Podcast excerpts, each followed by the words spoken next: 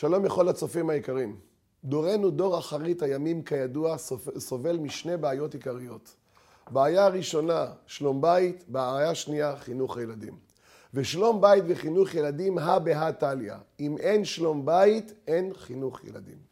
היום אני רוצה לטפל איתכם דווקא לא בשלום בית, אלא בחינוך הילדים. אבא, אימא זה הבסיס של הפירמידה, הילד זה השפיץ.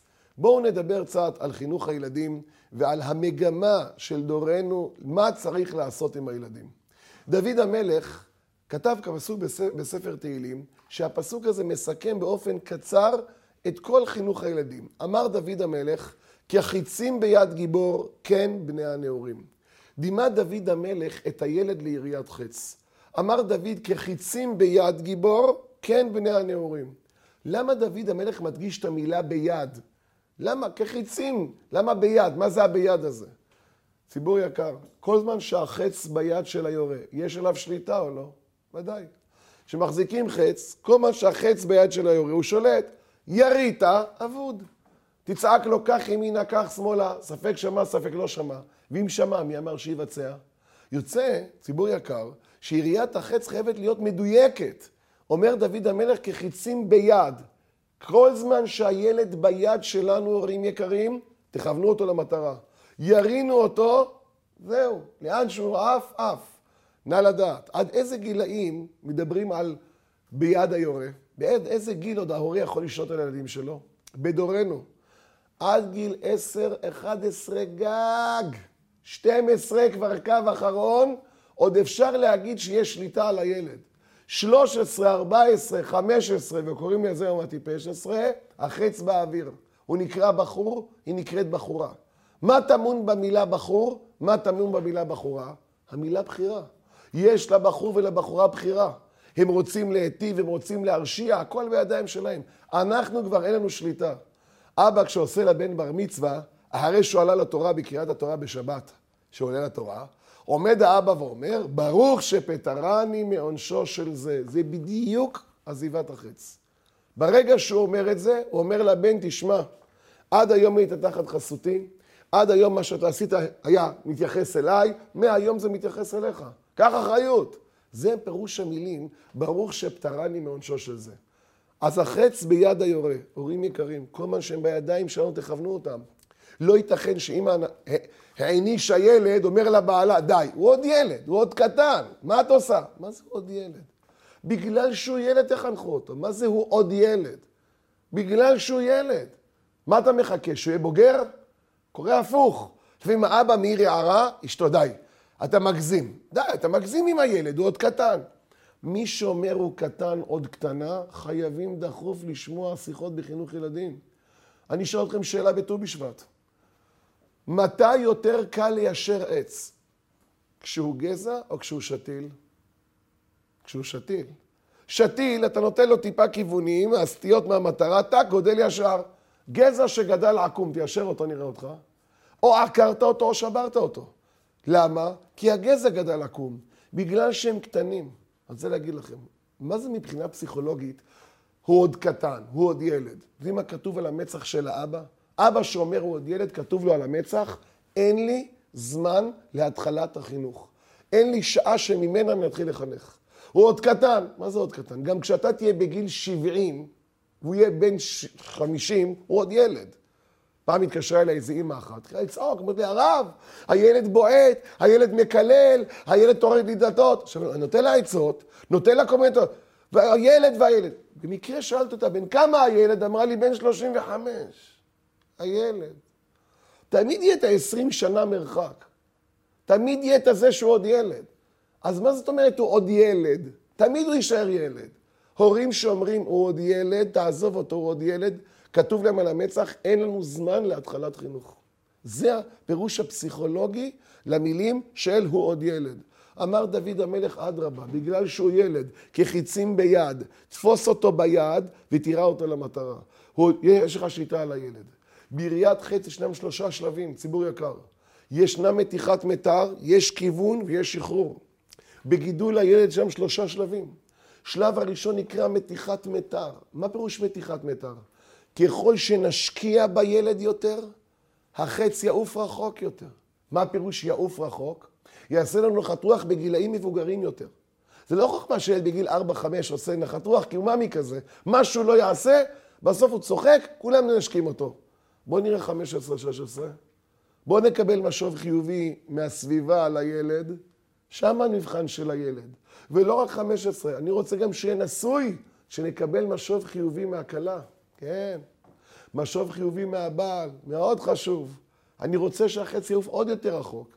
גם בגיל וזקנה ושיבה שלנו, שיהיה מישהו שילווה אותנו, מישהו שיעזור לנו.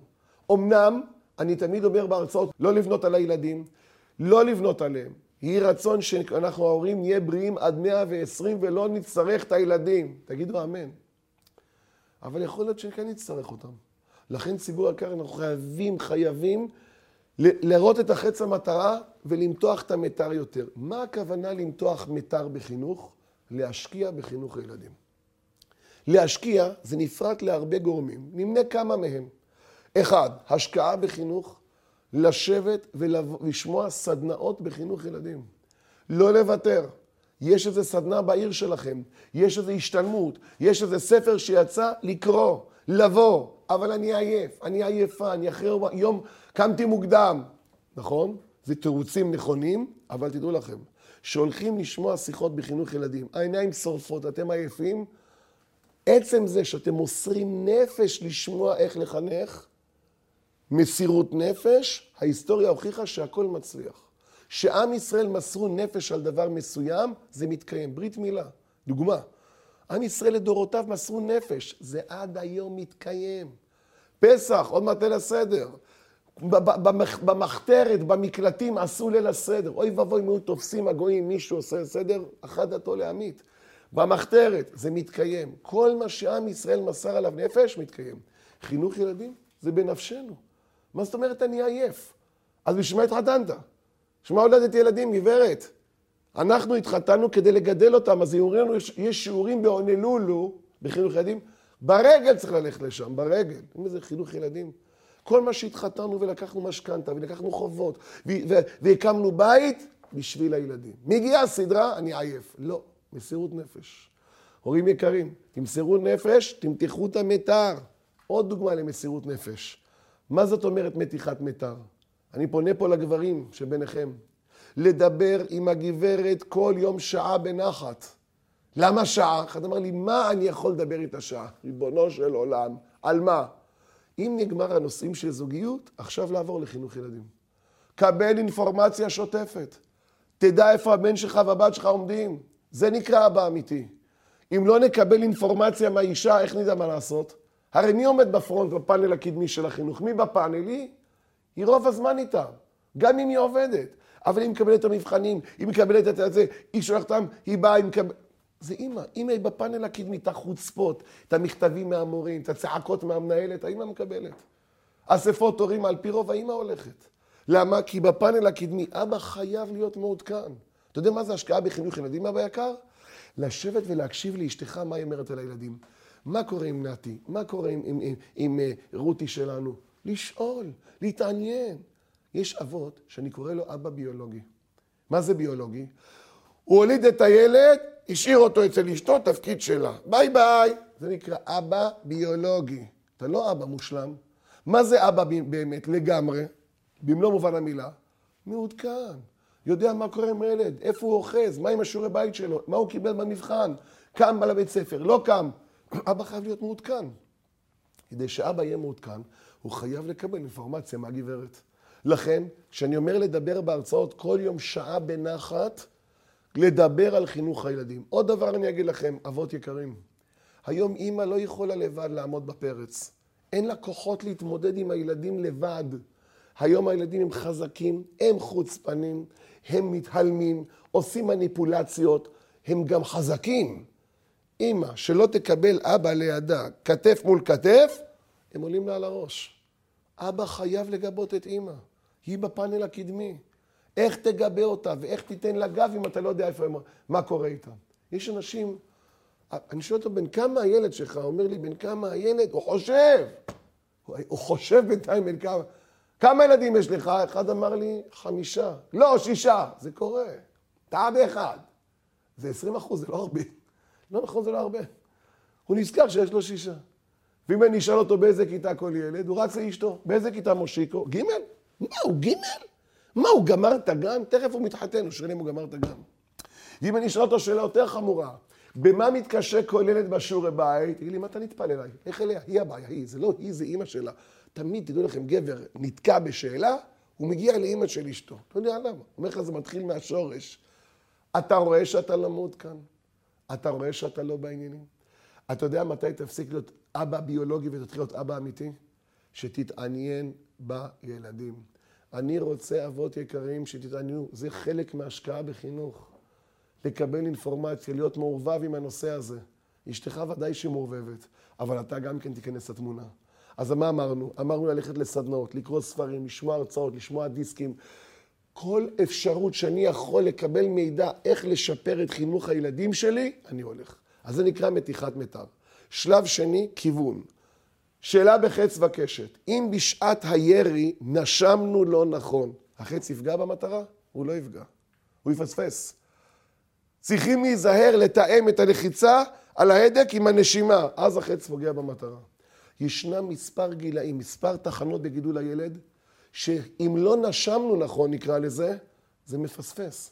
כשהילד גודל לאורך זמן ומרחק, אתה רואה שהוא בכלל לא במטרה. מה הכוונה לכוון למטרה? הורים יקרים, הילדים שלכם שסיימו את הגן ובאים לכיתה א', בית ספר יסודי, עכשיו זה הזמן לכוון את החץ למטרה, כי עדיין הם ניתנים לעיצוב. העץ רך, הפלסטלינה עוד לא התקשתה, אפשר לכוון אותם. מה עושים? לשלוח אותם לבית ספר תורני.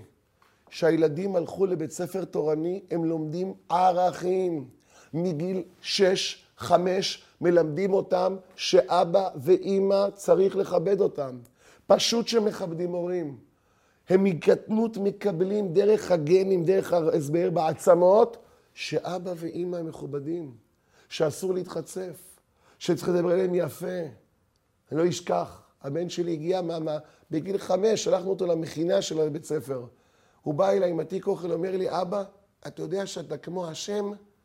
אמרתי לו, למה? הוא אומר, הרב אמר שאתה כמו השם. אבא, כמו הקדוש ברוך הוא. ובאמת זה כתוב. כתוב בתורה, בעשרת הדיברות, כבד את אביך ואת אמך. אומר הפסוק האחר, כבד את השם מהונך, מההון. כבד את אביך, כבד את השם, גזרה שווה, תקישו אחד לשני, הוקש כיבוד אב ואם לכבוד המקום. איפה ילמדו, איפה הם ילמדו משפטים כאלה?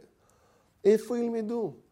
ציבור יקר, היום בחינוך המתירני הכל מותר, אין בכלל קודים כאלה. איזו גיבור הכובש את יצרו. אין את זה בעולם המתירני, את הקודים האלה, את ההבנות האלה. אצלנו, בחינוך התורני, והם גודלים על הברכיים של זה. גבר זה לא אחד שנסע עם אופנוע ועשה סלטה מעל התהום, שהרים משקולות, שפיתח גוף או גופה, אני לא יודע איך קוראים לזה, או עשה משהו, או החזיר. גבר זה אחד שאשתו הרגיזה אותו, הוא רוצה להגיד לה משהו והוא בלם. זה גבר. אומר שלמה המלך, טוב מושל ברוחו, ברוחו מלוכד עיר. מה זה גבר? הוא יכול לכבוש את כל העולם, אסטרטגיות, טקטיקות. הרגיזו אותו, הוא פתח את הפה, זה שפתח את הפה לא שווה כל הכיבוש שהוא עשה. וזה שבלם את פיו יותר גדול מאחד שכבש את כל העולם. איפה לומדים דברים כאלה? איפה? בגימנסיה? איפה לומדים את זה? בית ספר ממלכתי? רק בית ספר תורני. יש קודים ויסודות שלומדים רק במקומות תורניים, הורים יקרים. וזה נקרא לכוון את החץ המטרה. ערכים, מידות, לשון הרע. מי, מי מטפל בזה בכלל, בלשון הרע? זה, אל תגיד עליו מילים כאלה וכאלה. תלמד איך לכבד את אחיך הגדול.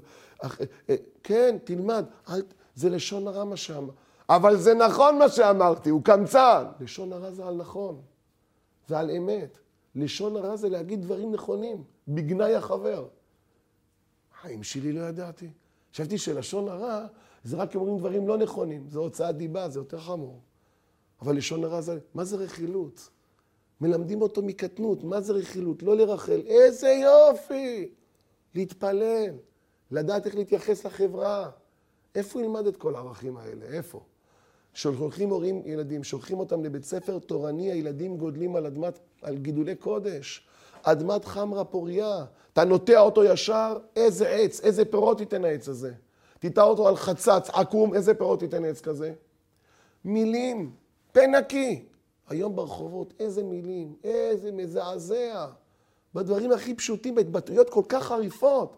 שם הם מעדנים את השפה. לא אומרים כל מילה. יש ביטויים עדינים לכל מיני דברים מסוימים, שאני לא אפרט אותם כעת.